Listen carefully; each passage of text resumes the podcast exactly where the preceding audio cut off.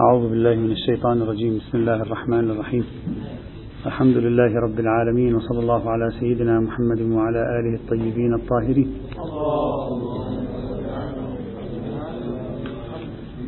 كنا نتكلم في المجموعة القرآنية الثانية التي تتحدث عن إثبات الولاية بين المؤمنين ونفي الولاية بين المؤمنين والكافرين. وهي مجموعة استدل بها لإثبات مبدأ القطيعة التامة وعدم المحبة وعدم الألفة وما شابه ذلك. ذكرنا بعض في ضمن التوليفة التي شرعنا فيها ذكرنا بعض الشواهد من داخل الآيات ومن السياق التاريخي الذي تخبر عنه الآيات أو التي أو السياق الذي يمكن أخذه من خارجها على أن القضية لا علاقة لها بموضوع يتصل بالعلاقات الاجتماعية أو بالمحبة أو المودة أو حسن العشرة أو ما شابه ذلك وإنما هو موضوع يتصل بالهوية السياسية والانتماء السياسي يعني الجماعة المسلمة. وصلنا إلى خامسا في إطار السلسلة التي ذكرناها. خامسا نتوقف اليوم عند جملة بعضهم أولياء بعض. هذه الجملة استخدمها القرآن في حق المؤمنين. قال والمؤمنون والمؤمنات بعضهم أولياء بعض. واستخدمها أيضا في حق الكافرين. قال بعضهم أولياء بعض. هذا الجانب الإيجابي منها. الجانب السلبي هو نفي الولاية بين المؤمنين والكافرين. ما معنى, بعضهم أولياء بعض في المؤمنين في الكافرين؟ وبالتالي سينتج عندنا ما معنى نفي هذه أو هذه الجملة في علاقة المؤمنين بالكافرين. ما الذي سوف نتوصل إليه؟ هذه هذه الجملة المكررة في عدد من هذه الآيات القرآنية سوف نشرحها. وسنستعين بآية من الآيات التي مرت معنا. ستكون هذه الآية على الخط وهي آية سورة الأنفال. 72 73 من سورة الأنفال. هذه الآية تقول إن الذين آمنوا وهاجروا وجاهدوا بأموالهم وأنفسهم في سبيل الله والذين آووا ونصروا أولئك بعضهم أولياء بعض. والذين آمنوا ولم يهاجروا ما لكم من ولايتهم من شيء حتى يهاجروا. وإن استنصروكم في الدين فعليكم النصر إلا على قوم بينكم وبينهم ميثاق والله بما تعملون بصير والذين كفروا بعضهم أولياء بعض إلا تفعلوه تكن فتنة في الأرض وفساد كبير. هذه الآية يجب أن نتوقف عندها ونحن نشرح فكرة بعضهم أولياء بعض ونستعين بالفرضيات والاحتمالات المتصورة ونرى ما الذي تساعدنا عليه لأن نفس هذا التعبير بعضهم أولياء بعض وبنفسه ذكر هنا في حق المؤمنين وهنا أيضا ذكر في حق غير المؤمنين وفي الآيات الأخرى بنفس التركيب بنفس التعبير فالمفترض أن يكون هناك شيء من الاشتراك آه، في الدلالة. ما المراد من هذا التعبير؟ توجد عدة احتمالات يمكن أن نطرحها هنا ونحاول أن نحللها. الاحتمال الأول أن المراد ببعضهم أولياء بعض أي بعضهم ينصر بعضا. الولاية هنا بمعنى النصرة. النصرة والتعاون والعون والمساعدة والإعانة ما شئت فعلت. فعندما تقول الآية المؤمنون والمؤمنات بعضهم أولياء بعض أي المؤمنون والمؤمنات ينصر بعضهم بعضا. ويدعم بعضهم بعضا ويعزز بعضهم بعضا ويقوي بعضهم بعضا ما شئت فعلت. ولعل الذي يساعد هنا في آية سورة الأنفال أنه هو عبر قال والذين آووا ونصروا استخدم كلمة النصر. ومرة أخرى قال وإن استنصروكم في الدين كلمة النصر أيضا رأيناها حاضرة في هذه التركيبة. طيب بناء على هذا التفسير إذا أخذنا إذا قلنا هذا هو معنى بعضهم أولياء بعض ينصر بعضهم بعضا يعين بعضهم بعضا. إذا أخذنا بهذا التفسير لا علاقة حينئذ لهذه الآيات برمتها لهذا التركيب المتكرر لا علاقة له بمبدأ فرقة القلوب والغلظة والشدة وعدم التواصل أصلا لا يتكلم. يعني إذا قلت لك المؤمن ينصر أخاه المؤمن ولكن المؤمن لا ينصر الكافر. لا تعني ذلك أن طريقة التعامل مع الكافر هي تعامل بالشدة أو بالحدة. أنت تنصر أخاك المؤمن ذاك إذا يريد أن ينتصر بك لا تنصره. هذا هذا كل ما تعطيه هذه الآيات. فالآيات حينئذ تخبر تقول المؤمنون ينصر بعضهم بعضا والكافرون أيضا ينصر بعضهم بعضا لأن الآية ليست هنا فقط تتكلم عن المؤمنين. تقول أولئك أيضا ينصر بعضهم بعضا. فانصروا المؤمنين ولا تنصروا الكافرين. إذا ضممنا إلى هذا الاستنتاج ما قلناه بالأمس من أن سياقات هذه الآيات هي سياق الحديث عن جماعات جماعة المؤمنين وجماعة الكافرين. يعني السياق سياق سياسي أيضا. نفهم حينئذ المراد أن المؤمنين عليهم أن ينصروا بعضهم بعضا لا أن عليهم أن يذهبوا فينصروا الكافرين من أعدائهم. فإن الذي ينصر الكافر ليس إلا الكافر. الآن تتصور المشهد معي؟ خلينا نطبق اليوم. المؤمنون عليهم أن يعين بعضهم بعضا على مواجهة الكافرين لا أن يذهب بعضهم فيعين الكافرين. هذا هو المفهوم. ما علاقة هذا المفهوم بمبدأ فرقة القلوب ومبدأ الغلظة والشدة وإلى آخره. لن يكون هناك أي علاقة بهذا السطر. طيب. قد شخص أيضا يرجح هذا الاحتمال من خلال سياق بعض النصوص التي تتكلم كما قلت عن مثل هذه الآيات النصرة والانتصار وما شابه ذلك. لكن توجد مشكلة هنا في هذا. إذا إذن على هذا التفسير لا يتم استدلال المستدل. هذا انتهينا منه. على هذا التفسير لا يتم استدلال المستدل. لكن هل هذا التفسير في حد نفسه صحيح أو لا؟ توجد مشكلة بسيطة هنا. خلقتها لنا آية سورة الأنفال. لذلك وضعنا آية سورة الأنفال على حدة هنا. خلقتها لنا آية سورة الأنفال. ماذا تقول الآية فلنفسرها بمعنى النصرة. فلنفسرها بمعنى النصرة ونرى. ما الذي تعطيه حينئذ؟ الآية تقول والذين آووا ونصروا أولئك بعضهم أولياء بعض. يعني أولئك بعضهم ينصر بعضا. والذين آمنوا ولم يهاجروا ما لكم من ولايتهم من شيء. يعني لا يجوز لكم أن تنصروهم. هكذا. يعني إذا مؤمن لم يهاجر إلى المدينة المنورة ليس لك أن تنصره. ما لك من نصرته في شيء؟ بناء على هذا التفسير نتكلم الآن. ليس لك في نصرته من شيء. أصلا اتركه. إذا هو هجم عليه أحد ليس لنا علاقة. ثم تقول الآية وإن استنصروكم في الدين فعليكم النصر. ما معنى الآية؟ أعيد. إذا أخذنا بالفرضية التفسيرية الأولى سيصبح المعنى هكذا. المؤمنون والمؤمنات بعضهم ناصر لبعضهم الآخر. لكن المؤمنون الذين آمنوا ولم يهاجروا لا نصرة بينكم وبينهم ليس لكم من ولايتهم شيء. لكن إن استنصروكم فانصروهم. ماذا يصبح المعنى حينئذ؟ تبدو الآية حينئذ غير مفهومة إذا أخذنا بهذا الافتراض التفسير الأول. لأنه من جهة يثبت النصرة طرفينية بين المؤمنين ثم يسلبها عمن لم يهاجر ثم يقول إن طلب منكم النصر أيضا فانصروا. إذا هو عدا وأثبتها. فما المراد من كلمة وإن استنصروكم في الدين فعليكم النصر؟ يوجد احتمالان في ما معنى استنصرك في الدين فعليك النصر؟ علينا أن نفكك هذين الاحتمال لنرى وفقا لهذا الاحتمال التفسير أصلا هل هو في حد نفسه يمكن أن يكون معقولا أو لا؟ طيب. الاحتمال الأول أن يكون الاستنصار في الدين يعني الاستنصار كان لأجل الدين.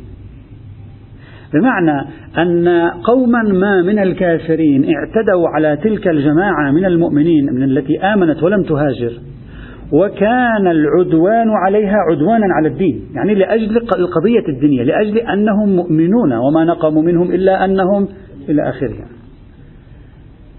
فهنا قال وإن استنصروكم في الدين فعليكم النصر. أي إن كان حاج إن كانت حاجتهم للنصرة أي للمعونة هي في الحقيقة حاجة الدين للمعونة إذ الدين هو المعتدى عليه يجب عليكم أن تنتصروا. أما لو كانوا قد استنصروكم ولكن هزيمتهم أو نصرهم أو ما شابه ذلك لا يرجع على الدين في شيء يرجع عليهم كجماعة متدينة. لأن الدين في نفسه مستهدف كما كما كما لو كان بين تلك الجماعة المؤمنة التي لم تهاجر وبين أولئك الكافرين الذين اعتدوا عليهم خلاف قبلي ما له علاقة بالدين. استهداف أولئك المؤمنين غير المهاجرين نتيجة هذا الخلاف القبلي ليس هجوما عليهم بحيث يكون هذا عدوانا على الدين نفسه عدوانا على المؤمنين لا على الدين نفسه. هذا احتمال. احتمال آخر. أن يكون قوله تعالى وإن استنصروكم في الدين بمعنى استنصروكم من حيث هم مؤمنون مثلكم. يعني لم يستنصروكم من حيث هم مشتركون معكم في القبيلة أو في العشيرة أو في الأسرة أو ما شابه ذلك. وإنما استنصروكم لما بينكم وبينهم من وحدة الدين. يعني طلبوا منكم النصر من حيث إنهم مؤمنون مثلكم. هكذا سيصبح المعنى. هذا الاحتمال الثاني أيضا.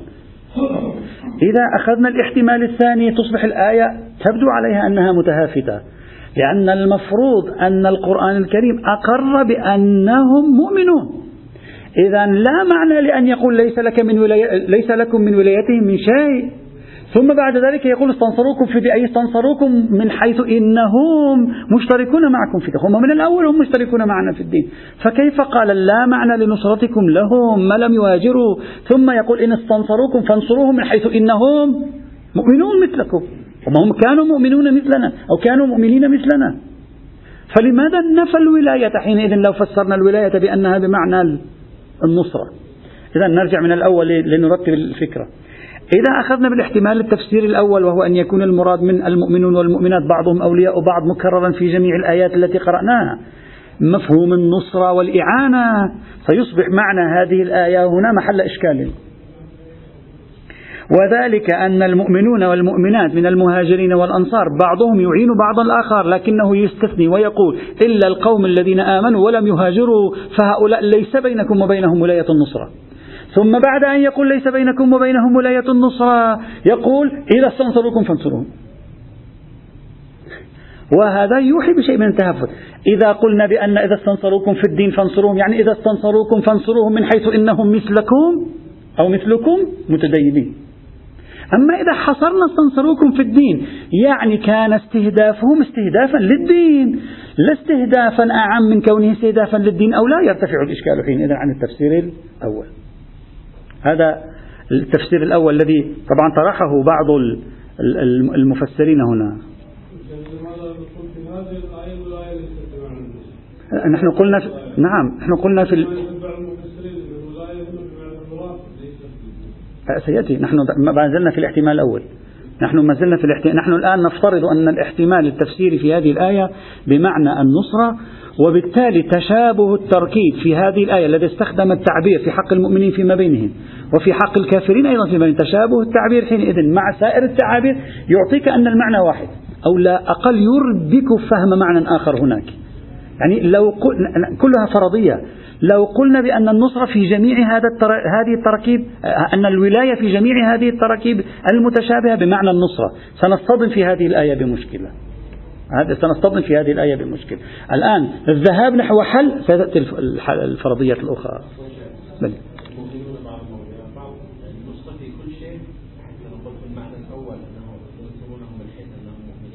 نعم.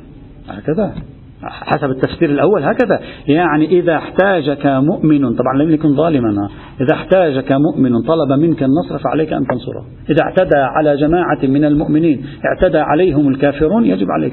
حتى لو اعتدوا عليهم لا لأجل دينهم لأجل أن يأخذوا أرزاقهم ونفطهم وأراضيهم لمصالح اقتصادية أو غيرها. لا علاقة للدين في الموضوع. ليست كل حروب الكافرين ضد المسلمين حروب دينية. لا الآن ولا قبل الآن. كلها كانت على الشكل الثالث إذا على هذا التفسير تطرح هذه الفرضيات تفسير الثاني سنذكر كل تفسير ثم نرى في النهاية. التفسير الثاني أن يكون المراد من المؤمنون والمؤمنات بعضهم أولياء بعض على ما جاء في عدة تراكيب قرآنية وآيات قرآنية الولاية بمعنى المحبة والمودة. يعني المؤمنون والمؤمنات يحب بعضهم بعضا. وبالتالي إذا ثبتت هذه الولاية فيما بين المؤمنين ثم بعد ذلك نفاها القرآن بين المؤمنين والكافرين تثبت أصالة عدم المحبة بين المؤمنين والكافر. الأصل في العلاقة مع الكافر الغلظة والكره. وهذا الذي يعني المبدأ الكراهية. كما يقول العديد من فقهاء السلفية اليوم. هذا الاحتمال الثاني. على هذا التقدير يثبت ما يريده المستدل. لأن هذا هو التقدير الذي ينفع المستدل في الحقيقة. على هذا التقدير يثبت تقريب المستدل وتثبت قاعدة أصالة الكراهية في العلاقة بين المسلمين والكافرين. لكن هل في هذه الآية إذا, إذا أتينا بهذا التعبير المتشابه لنطبقه على آية سورة الأنفال. لنرى هل ينفع هذا التعبير في آية سورة الأنفال أو لا. هذا التعبير في آية سورة الأنفال يبدو صعبا. يعني يبدو عسيرا. لأنه سيعني أن الأشخاص الذين آمنوا ولم يهاجروا ينبغي أن تكون العلاقة بيننا وبينهم هي علاقة كراهية. هكذا معنى الآية. يعني أصالة الكراهية ليست في علاقة المؤمنين بالكافرين فقط بل ستكون أصالة الكراهة أي الكراهية في علاقة المؤمنين بالكافرين وستكون أيضا في علاقة المؤمنين المهاجرين بالمؤمنين الذين لم يهاجروا. لأن يعني الآية تقول ليس, ليس بينكم وبينهم أي ولاية. يعني تريد أن تنفي أن يكون بينكم وبينهم محبة. وهذا يكاد يكون معلوما في الشرع عدم ثبوته. إلا إذا شخص قال لا من, من أين عرفت أنه معلوم في الشرع عدم ثبوته؟ كيف؟ الذين لم يهاجروا ارتكبوا خطيئة عظمى في ذلك الزمان لأن الهجرة حاجة لوحدة جغرافية سكانية للمسلمين أن يتجمعوا في مكان واحد. لولا أن المسلمين تجمعوا في مكان واحد في تلك الفترة بقيوا مجموعة عوائل متبعثرة في الأطراف. ما كان يمكن أن تنهض الأمة.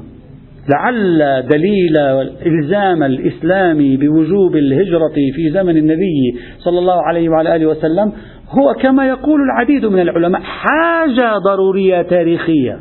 لأن إذا لم يتجمع المسلمون المسلمين وهم قلة قليلة في مكان واحد لا يمكنهم أن يشكلوا نواة. يمكن أن يضمن بقاؤها في المستقبل. فلعل الخطيئة العظمى التي ارتكبها المؤمن الذي لم يهاجر أنه لم يساعد في تكوين نواة المجتمع الإسلامي في مراحله الأولى. وهذا أمر في غاية الخطورة. ربما يكون حين قد يدعي شخصا. ربما يكون الإسلام حينئذ نعم قد أمرنا بمبدأ الكراهية حتى مع أولئك. بوصفهم قد ارتكبوا جناية عظمى في حق الدعوة الإسلامية في في مرحلة نشوئها وبداياتها. إذا شخص أصر لا تستطيع أن تقول له شيئا حينئذ. لعل هذه خصوصية كانت في مرحلة الدعوة بدايات الدعوة ولا نستطيع أن نعممها بعد ذلك. إذا الفرضية الثانية هي فرضية تفسيرية تقول بأن المراد من الولاية المتبادلة هنا هي ولاية المحبة.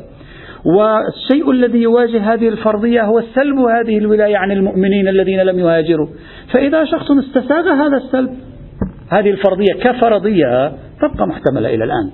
أما إذا شخص قال هذا السلب لا معنى له فستكون هذه الفرضية مرجوحة بنفس هذه النتيجة. هذا الاحتمال الثاني. نحن نذكر الاحتمالات وبعدين نشوف. الاحتمال الثالث. أن تكون كلمة أولي بعضهم أولياء بعض أصلا في الإرث. لا علاقة لها لا بالنصرة ولا بمبدأ المحبة والتوالف بين المؤمنين. مسألة خاصة بالإرث. خاصة في هذه الآية القرآنية التي وردت في سورة الأنفال.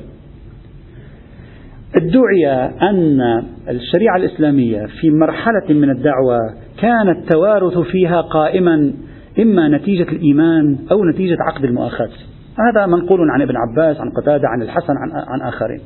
أن في مرحلة ما بعد عقد المؤاخاة بين المهاجرين والأنصار في المدينة الإرث كان على أساس عقد المؤاخاة أو الإرث كان على أساس الإيمان فيرث المؤمن المؤمن الآخر. لخصوصية معينة أو نتيجة عقد المؤاخاة وهذا معنى أن المؤمنون أن المؤمنين والمؤمنات بعضهم أولياء بعض. أي يرث بعضهم بعضا. فلم يكن هناك قاعدة اسمها قاعدة الإرث الأسري. وإنما هذه كانت في الفترة الأولى قاعدة الإرث الإيماني. وكان يرث وينقل في التاريخ أن هذا كان موجودا. ثم قالوا بأن قاعدة الإرث الإيماني نسخت في القرآن الكريم. أي نسخت؟ وأولو الأرحام. بعضهم أولى ببعض في كتاب الله. قالوا هذه الآية القرآنية الكريمة نسخت كل الآيات التي تثبت أن المؤمنين فيما بينهم هم أولياء بعضهم بعضا يعني يرث بعضهم بعضا. وبالتالي انتهى عصر الإرث الإيماني وبدأ عصر الإرث الأسري. هذا موجود حتى موجود يعني في آراء بعض الصحابة وموجود أيضا في بعض الروايات التاريخية. وافترضوا أن كل الآيات التي تقول أولياء بعض هذه تدل على الإرث. وبالتالي في مرحلة لاحقة نسخت. بناء على هذه الفرضية راح دليل المستدل هنا. لأن هذه الآيات لا يعود لها أي علاقة ببحث آه، المحبة والمودة والتآلف والتوالف مع غير المسلمين. تصبح هذه قضية إرث كانت في زمن معين على أساس اللحمة الإيمانية صارت في زمن آخر نتيجة النسخ على أساس لحمة النسب لا أكثر ولا أقل. هذا الفرضية الثالثة طبعا آه، تعبير وأولو الأرحام بعضهم أولى ببعض في كتاب الله وارد مرتين في القرآن الكريم. ورد في الآية الأخيرة من سورة الأنفال 75 وورد كذلك في الآية السادسة من سورة الأحزاب. طيب إذا هذا الاحتمال التفسير الثالث وعلى أساس الاحتمال التفسير الثالث لا يتم استدلال المستدل بمجموعة هذه الآيات التي استخدمت تعبير المؤمنون والمؤمنات بعضهم أولياء بعض. لكن هل هذا الاحتمال معقول؟ هل أن هذه الآيات القرآنية عندما استخدمت تعبير أولياء بعض بين المؤمنين والكافرين كانت تقصد الولاية بمعنى الإرث هنا أو لا؟ هل هذا معقول أو ليس بمعقول؟ طبعا المشهور بينهم هو ذلك. يعني كثير من المفسرين هكذا يذهبون إلى أن علاقة التوارث كانت هي المنظورة في المؤمنون والمؤمنات بعضهم أولياء أو لا أقل مشمولة خاصة في آية خاصة في آية سورة الأنفال. هذا كان متداولا بين المفسرين. لكن لا يوجد أي شاهد لا في آية سورة الأنفال ولا في خارج آية سورة الأنفال من التعابير المتشابهة. ما يدل على أن الفكرة كانت مربوطة بموضوع الإرث. لا يوجد شاهد. هم لم يقيموا شاهدا داخليا يعني من داخل النص القرآني. وأغلب الظن أن الذي دفعهم إلى افتراض النسخ هو التشابه التعبير. هناك قال أولياء بعض وهنا قال وأولو الأرحام بعضهم أولى ببعض. فمفهوم الأولوية يعني هذا المشترك التعبيري بين اللفظين هو الذي جعلهم يتصورون أن آية وأولو الأرحام بعضهم أولى ببعض في كتاب الله نسخت تلك الآيات التي تتكلم عن الولاية المتبادلة بين المهاجرين والأنصار خاصة آية سورة الأنفال.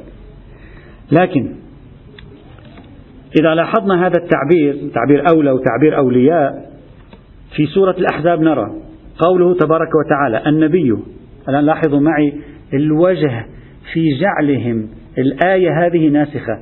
النبي أولى بالمؤمنين من أنفسهم وأزواجه أمهاتهم وأولو الأرحام بعضهم أولى ببعض في كتاب الله من المؤمنين والمهاجرين. ما معنى هذا التعبير؟ يعني يريد أن يقول حسب ما فسروا النسخ يعني أولي الأرحام بعضهم أولى ببعض من المهاجر والمؤمن. يعني أولو الأرحام فيما بينهم أولى من فيما بينهم وبين سائر المؤمنين والمهاجرين. فأراد أن يفك عقد المؤاخاة في باب الإرث. هكذا تصوروا. قالوا لما الآية تريد أن تقول ما بينك وبين من هو رحم لك أولى مما بينك وبين سائر المؤمنين أو أولى مما بينك وبين المهاجرين. يعني تلك العلاقة الإرثية التي كانت بين المهاجرين والأنصار جاء ما هو أولى منها وهو علاقة الرحم. فلذلك تصوروا أن هذه الآية القرآنية نسخت شيئا كان قبل ذلك. يعني قبل هذه الآية كان أولو الأرحام كان المؤمنون بعضهم أولى ببعض. هذه الآية الآن تريد أن تنسخ تقول أولو الأرحام بعضهم أولى ببعض من المهاجرين. عند ذاك الزمان كان قد انتهى. وبالتالي رجحوا أن تكون هذه الآية ناسخة للآيات التي عبرت أولياء بعضهم أولياء بعض فيما بين المهاجرين والأنصار. لكن هل هذا شاهد على أن الآيات القرآنية الأخرى خاصة آية سورة الأنفال قد قصدت التوارث فيما بين المهاجرين والأنصار؟ لا ليس بشاهد. وذلك أولا مجرد استخدام كلمة ولي أو أولى أو أولياء تشابها في التعبير. ما بين هذه الآية وما بين آيات بعضهم أولياء بعض لا يعني وحدة المعنى. التعبير بعضهم أولى ببعض غير تعبير بعضهم أولياء بعض. لا يدل على وحدة المعنى. لأن كلمة أولياء وولي وردت في القرآن الكريم في مواضع كثيرة بمعان متعددة. فقد وصف الله نفسه بأنه ولي ولا معنى لأن يرث المؤمنين أو يرث المؤمنون. التعابير التي وردت في القرآن لتصريف هذه الكلمة متنوعة وبالتالي لا أستطيع أن أقول إذا كانت في موضع معين قد دلت على الإرث فهي في موضع آخر مختلف تصريفها لم يستخدم كلمة أولياء في الآية التي دلت على الإرث لم يستخدم كلمة أولو الأرحام بعضهم أولياء بعض إنما استخدم كلمة أولى وأولو الأرحام أولى من المؤمنين والمهاجرين. إذا لا دليل على وحدة المعنى آه، في هذا السياق. هذا واحد. ولذلك نحن في سورة النساء التي هي السورة العمدة التي تكلمت عن موضوع الإرث لا نجد تعبير الولاية. لا نجد هذا التعبير حاضرا في الآيات العمدة في القرآن الكريم التي استخدم قوانين الإرث. لا نجد هذا التعبير. لو كان هذا التعبير الذي تكرر في القرآن الكريم عدة مرات يقصد منه تعبير الإرث ووضع فيما بين المؤمنين أنفسهم لكان يفترض أو يتوقع على الأقل في الآيات المرتبطة بالإرث بين الأرحام. أن يستخدم هذا التعبير. ولكن أيضا لم نجد في باب الإرث في سورة النساء شيء يتصل بهذا الموضوع على الإطلاق. بل بصرف النظر عن هذا. كل السياق الذي تكلمنا عنه في الدرس الماضي سياق الآيات التي استخدمت هذا التعبير وحتى سياق آية سورة الأنفال كل هذا السياق الذي تتكلم عنه هذه الآيات كان سياقا سياسيا. وقد رأينا أنه كان يتكلم عن علاقة الجماعات المسلمة بالجماعات الكافرة وكان يتكلم عن عدوان الجماعات الكافرة على الجماعات المسلمة. وهنا يتكلم عن الاستنصار وطلب النصرة. وإذا كان الأمر كذلك مع وجود مثل هذا السياق المتكرر في كل هذه الآيات بما فيها آيات سورة الأنفال يصبح من البعيد أن يكون في داخل هذا السياق يريد أن يتكلم حتى في آيات سورة الأنفال عن موضوع خاص وهو موضوع الإرث. حتى تأتي آية سورة الأحزاب فتنسخ هذا الحكم الموجود. إذا السياق أيضا لا يساعد. أما هذه الآية آية أولو الأرحام بعضهم أولى ببعض في كتاب الله فعلى تقدير أن المراد بها الإرث. سلمنا أن المراد بها الإرث. هذا يحتاج إلى بحث.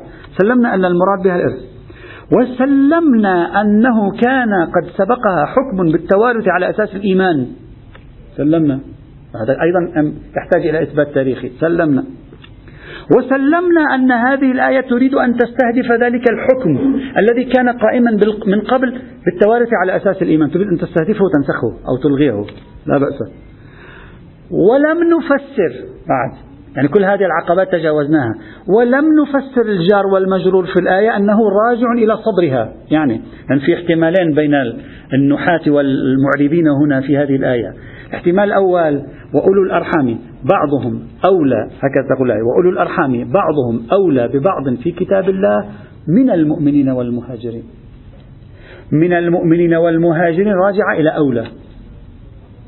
على تفسير ثاني وإعراب ثاني تصبح الآية هكذا بشكل مختلف. وأولو الأرحام من المهاجرين والأنصار بعضهم أولى ببعض في كتاب الله. يعني وأولو الأرحام من المهاجرين والأنصار يعني من المسلمين.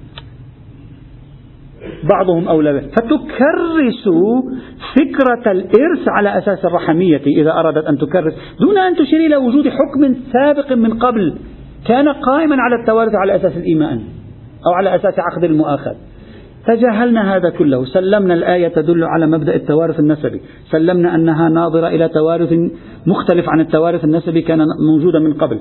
سلمنا أنها تريد أن تنسخه. بكل هذا سلمنا. لكن كيف عرفتم أن هذه الآية تريد أن تنسخ حكما كان في القرآن الكريم؟ وهذا كله لا ينفع. يعني الآية لو دلت على أنها ناسخة لحكم التوارث على أساس الإيمان فهي لا تقدر أن تكون قرينة دالة على أن كلمة بعضهم أولياء بعض تعني التوارث. وهذا هذا ليس قرينة. لماذا؟ لأن احتمال أن حكم التوارث القائم على أساس الإيمان إما كان قائما في السنة أو كان نتيجة عقد المؤاخاة نفسه. يعني التوارث الإيماني كان ناتج توافق المهاجرين والأنصار. وجاءت هذه الآية وأبطلت هذا التوافق في باب الإرث. كيف أجعل السؤال هنا كيف تريدني أن أجعل هذه الآية القرآنية قرينة على أن المراد من سائر الآيات التي استخدمت كلمة بعضهم أولياء بعض؟ هو التوارث في الإرث. فلا وجه للقرينية. حتى لو سلمنا أنها ناسخة لحكم التوارث. الإرث ما نحن بحثنا هنا في هل أن آية بعضهم أولياء بعض تدل على الإرث خاصة أو لا؟ فكيف تريد أن تجعل آية أولي الأرحام بعضهم أولى ببعض؟ قرينة على أن هذه تدل على الإرث. كيف عرفت؟ يعني وجه القرينية غير دقيق. مجرد أن آية سورة الأحزاب ناسخة لحكم التوارث الإيماني لا يعني أن حكم التوارث الإيماني كان موجودا في القرآن وأن هذه الآيات هي التي تدل عليه. يعني هناك قفزة غير قادرين على إثباتها الآن. إذا حتى لو تجاوزنا كل العقبات السابقة لا نستطيع أن نقول بهذه الآية القرآنية نثبت أن المعنى المقصود في آية سورة الأنفال بل وغير آية سورة الأنفال هو عبارة عن بحث التوارث. وعليه فرضية أن المراد من تعابير بعضهم أولياء بعض في مختلف الآيات خاصة في آية سورة الأنفال على أن المراد منه خصوص التوارث ولا علاقة له بأي شيء آخر. هذه الفرضية لا يوجد عليها أي شاهد. وأقوى شاهد يمكن افتراضه لها أن آية سورة الأحزاب ونهاية آية سورة الأنفال تدل على إثبات الإرث في أولي الأرحام. وحتى لو سلمنا بإثبات الإرث في أولي الأرحام وأنه ناظر لنسخ حكم كان من قبل لا دليل لا, يشكل ذلك شاهدا دلاليا على أن المراد من تلك الآيات هو باب الإرث. لا أدري إذا استطعت أن أوصل الفكرة هنا. إذا هذا الاحتمال الثالث في مجمل الآيات بما فيها آية سورة الأنفال. غير دقيق. لا السياق يساعد عليه لا تشابه التعبير يساعد عليه لا آية سورة الأحزاب تساعد عليه. رغم أنه لو ثبت يبطل دليل المستدل بهذه الآيات على أصالة الكراهية فيما بين المسلمين وبين المؤمنين. الاحتمال الرابع. ما أسميه أن تكون هذه الآيات تريد تكريس مبدأ اسمه مبدأ الولاية المتبادلة. وهو ما كان يشير إليه العلامة شمس الدين رحمة الله تعالى عليه. ما المقصود بمبدأ الولاية المتبادلة بحسب هذه التسمية التي نطلقها الآن؟ المؤمنون والمؤمنات بعضهم أولياء بعض أي أنا مؤمن وأنت مؤمن. أنا لي الولاية عليك أنت لك الولاية علي ولاية الولاية بالمعنى السلطاني بالمعنى النفوذ. كلمة الولاية الأب ولي على ابنه. نفس المعنى الفرق أن ولايتي عليك ليست فقط من طرف واحد. في نفس الوقت الذي لي أنا ولاية عليك أنت هم لك ولاية علي. طرح الشيخ شمس الدين. ما معنى هذا الكلام؟ معناه أن المؤمنون يقرر مصيرهم المشترك يقررونه هم. يعني لا تستطيع أنت أن تقرر مصيري لأن أنت ليس لست لك ولاية من منفردة علي. أنا هم أيضا أستطيع أن أقرر مصيرك. حاصل ضم الولاية المتبادلة هذه بتعبير آخر أن حال المسلمين الولاية فيه لهم جميعا. وهذه هي نظرية ولاية الأمة على نفسها التي طرحها الشيخ شمس الدين واستعان في جملة ما استعان لإثباتها بهذه الآيات. آيات أن المؤمنون والمؤمنات بعضهم أولياء بعض. أي أنا لي ولاية عليك أنت لك ولاية علي هو له ولاية علينا نحن لنا ولاية عليه. يعني نحن لنا سلطة على بعضنا. حاصل كسر انكسار السلطة على بعضنا أن مصيرنا نحن نقرره. ويكون معنى الآية كما كان يقول الشيخ شمس الدين موازيا لقوله تعالى وأمرهم شورى بينهم. يعني يصح نفس المعنى يعطي وهذا معنى ولاية الأمة على نفسها. فما معنى ولاية الأمة على نفسها؟ غير هذا. إذا هذه فرضية تفسيرية أيضا إضافية. على هذه الفرضية التفسيرية في مجمل هذه الآيات أيضا لا يثبت دليل المستدل لأن لا علاقة حينئذ لمجمل هذه الآيات بموضوع أصالة الكراهية تجاه الكافر. لأن الفقيه السلفي يريد أن يثبت من هذه الآيات أن الأصل هو كراهية الكافر. أصل العلاقة معه الكراهية مطلقا. هذه تصبح بلا معنى. كل ما تريد أن تثبته أن مصائركم بأيديكم وليس بيد شخص عليكم. يعني هذا كل ما تريد أن تثبته حينئذ. هذا الاحتمال قد يرجحه شخص ويقول بأن جماعة من أهل اللغة عندما تصدوا لتفسير كلمة الولي وولايا وما شابه ذلك أصلا أول شيء فسروا فيه الولاية بمعنى ما يشبه ولاية الأب على ابنه. بهذا المعنى للولاية. أصلا كثير من الم... بعض اللغويين لم يذكر من معاني الولاية النصرة. ولم يذكر من معاني الولاية المحبة أصلا لم يذكرها. يعني بعض اللغويين أصلا لم يأتي على ذكر تلك المعاني. وكأنما للوهلة الأولى لا يوجد المعنى الأول للكلمة هو هذا فقط. فعندما يقول المؤمنون بعضهم أولياء بعض يعني هم يتولون أمورهم بأنفسهم. ليس للكافر ولاية علي. بين المؤمن والكافر لا توجد ولاية؟ يعني لا يتولى هو علي لا يقرر هو مصيري. نحن نقرر مصائرنا بأنفسنا. وحدة اجتماعية وهذا يعطي معنى سياسيا حينئذ. فقد يترجح هذا المعنى حينئذ بمثل هذا الشاهد الآن لا أريد أن أرجح. أريد أن نعرض الفرضيات التفسيرية ثم بعد ذلك نقول إذا ترجح واحد منها فما هو الذي يترجح؟ وإذا لم يترجح واحد كفانا في إبطال دليل المستدل. هذا يكفيني. لأن الآن نحن في صدد مناقشة المستدل بهذه المجموعة من الآيات على إثبات أصالة الكراهية قاعدة الكراهية تجاه غير المسلم. هذا الذي يعنينا فعلا. إذا هذا احتمال. وعلى هذا الاحتمال أن انتبه معي جيدا. على هذا الاحتمال نفهم بالدقة آية سورة الأنفال. يعني على الفكرة التي طرحها الشيخ شمس الدين يصبح فهم آية سورة الأنفال أكثر وضوحا من الأول أكثر وضوحا من معنى النصرة. اقرأوا مع الآية. يقول إن الذين آمنوا هي الآية الأساسية التي نتكلم عنها. آمنوا وهاجروا وجاهدوا بأموالهم وأنفسهم في سبيل الله المهاجرين. والذين آووا ونصروا الأنصار. هؤلاء كلهم يعيشون الآن في المدينة هؤلاء بعضهم أولياء بعض. مصيرهم المشترك يقررونه. والذين آمنوا ولم يهاجروا. ما لكم من ولايتهم من شيء. يعني ليس لهم ولاية عليكم. يعني هؤلاء لا يقررون مصير المسلمين. لأنهم لم يندمجوا بتعبير الشيخ شمس الدين لم يندمجوا في الاجتماع السياسي للمسلمين. قلنا لهم تعالوا اندمجوا في الأمة. قالوا لا نحن نبقى في في بيوتنا. نؤمن بالله ولكن نبقى في بيوتنا. فالسبب الذي فضل الولاية بيننا وبينهم أنهم لم يندمجوا في الاجتماع السياسي. لكن لهم علينا حق النصرة. بالنهاية هم مؤمنون. لهم علينا وإن استنصروكم في الدين فعليكم النصر. لهم علينا حق النصرة لأنهم مؤمنون. لهم واجبات تجاهنا. نعم صحيح. لكن ليس لهم ما داموا لم يدخلوا في الاجتماع السياسي ولم ينضموا إلى الهوية الاجتماعية السياسية للمسلمين أن يقرروا مصائر المسلمين. وإنما الذي يقرر مصائر المسلمين ذاك الذي اندمج في الاجتماع السياسي. هؤلاء نعم ولايتهم على بعضهم ثابتة بنحو الولاية المتبادلة.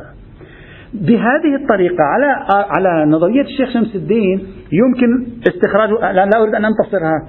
يمكن استخراج هذا المعنى للآية. لأن قلنا لما فسرناها بمعنى النصرة واجهنا صعوبة. من جهة يقول ليس لكم من ولايتهم من شيء ومن جهة يقول إن استنصروكم فانصروهم. واجهنا صعوبة في داخل تركيب الآية.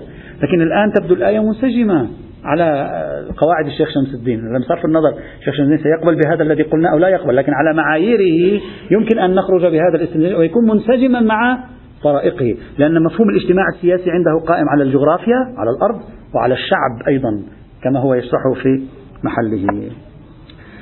طبعا بعض المفسرين ذكروا شيئا شبيها بهذا بالمعنى الولاية المتبادلة بإمكانكم مراجعة. وإن كان لم يتكلموا عنها بالطريقة التي تكلم عنها الشيخ شمس الدين لأنه كان يتكلم كفقيه سياسي اجتماعي لكن أشاروا إشارات بإمكان الإخوة أن يراجعوا آه، شيخ الطوسي في كتاب التبيان وكذلك الراوندي في كتاب فقه القرآن. لهم ضرب من الإشارات التي تشير إلى أن المسلمين تصبح لهم قرار الحل والعقد. هذا قريب من فكرة الولاية المتبادلة التي يطرحها الشيخ محمد مهدي شمس الدين. الاحتمال الخامس والأخير هو أن يكون وهو أبسط الاحتمالات وأسرعها ربما إلى يمكن يكون أبسطها لغويا. المؤمنون والمؤمنون بعضهم أولياء بعض أي هم أمة واحدة من دون الناس. يعني بعضهم أولياء بعض يعني هم أمة لوحدها. ولذلك قال الكافرون بعضهم أولياء بعض. يعني هم أمة من دون الناس من دون المسلمين. فقال فقصد بهذا التعبير الكناية عن وحدة الأمة وحدة الملة. المؤمنون والمؤمنات بعضهم أولياء بعض يعني هم أمة. والكافرون بعضهم أولياء بعض يعني يلتئمون على بعضهم فهم أمة. من طيب ما علاقة ذلك بالمعنى اللغوي؟ إذا أخذت هذا سوف تفرض على نفسك أن ترجع إلى الجذر اللغوي لكلمة ولايا وهو بمعنى القرب والدنو. تعرفون العرفاء؟ يستخدمون مفردة الولاية ولا يقصدون منها المعنى الذي نحن نستخدمه في الفقه العرفاء المقام الولاية القرب. تحقق بمقام الولاية الإلهية تحقق بمقام القرب الإلهي. فيأخذون الجذر اللغوي القرب والدنو من من كلمة ولاية وهذا موجود في اللغة أيضا. على هذا التفسير يجب عليك أن تفترض أن كلمة أول بعضهم أولياء بعض يعني تأخذ جذر كلمة أولياء بمعنى القرب يعني كل واحد منهم دان من الآخر فيشكلون جماعة واحدة. أي هم ملتئمون على بعضهم. فيكون التعبير كنائيا عن أنهم ملة واحدة. وأن الكافرون ملة واحدة وليس بين الكافرين والمؤمنين اندماج ملة. يعني مفهوم المواطنة أو مفهوم الملة مفهوم إسلامي يكون حينئذ. على هذا التفسير أيضا لا يثبت للفقيه السلفي أن يقول إن الآيات دالة على أصالة الكراهية. نعم آيات دالة على أصالة المغايرة أصالة المفاصلة. أن الملة هذه منفصلة عن تلك الملة لكن لا تدل على أصالة الكراهية. وأن الأصل في العلاقة مع غير المسلم البغض والكراهية والشدة وما شابه ذلك. على هذا التفسير الخامس. وبإمكانكم مراجعة أيضا بعض اللغويين الذين مباشرة عندما فسروا كلمة ولاية أصلا مباشرة شرعوا في تفسيرها بمعنى الدنو والقرب. مثل الصحاح معجم مقاييس اللغة و ضع خط تحت كتاب معجم مقاييس اللغة لأهميته وعمقه التحليلي وكذلك كتاب المفردات كمؤيد لا بأس به. إذا حتى الآن هذه خمس احتمالات تفسيرية في هذا التركيب المتكرر كثيرا في القرآن. بعضهم أولياء بعض أن ينصروا بعضهم بعضا. بعضهم أولياء بعض أن يحب بعضهم بعضا. بعضهم أولياء بعض أي يرث بعضهم بعضا. بعضهم أولياء بعض أي كل واحد منه ولي الآخر وله نحو سلطنة عليه بعضهم أولياء بعض تعبير كنائي عن قربهم ودنوهم من بعضهم أي هم ملة واحدة من دون الناس. وبالتالي يجب عليهم أن يحفظوا هذه المفاصلة هذه المغايرة القائمة على حفظ الهوية.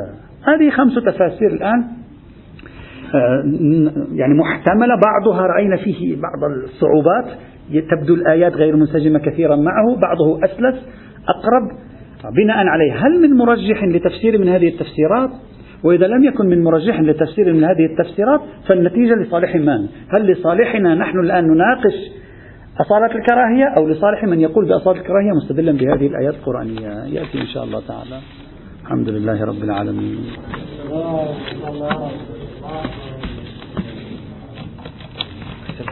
أحسن الله عليكم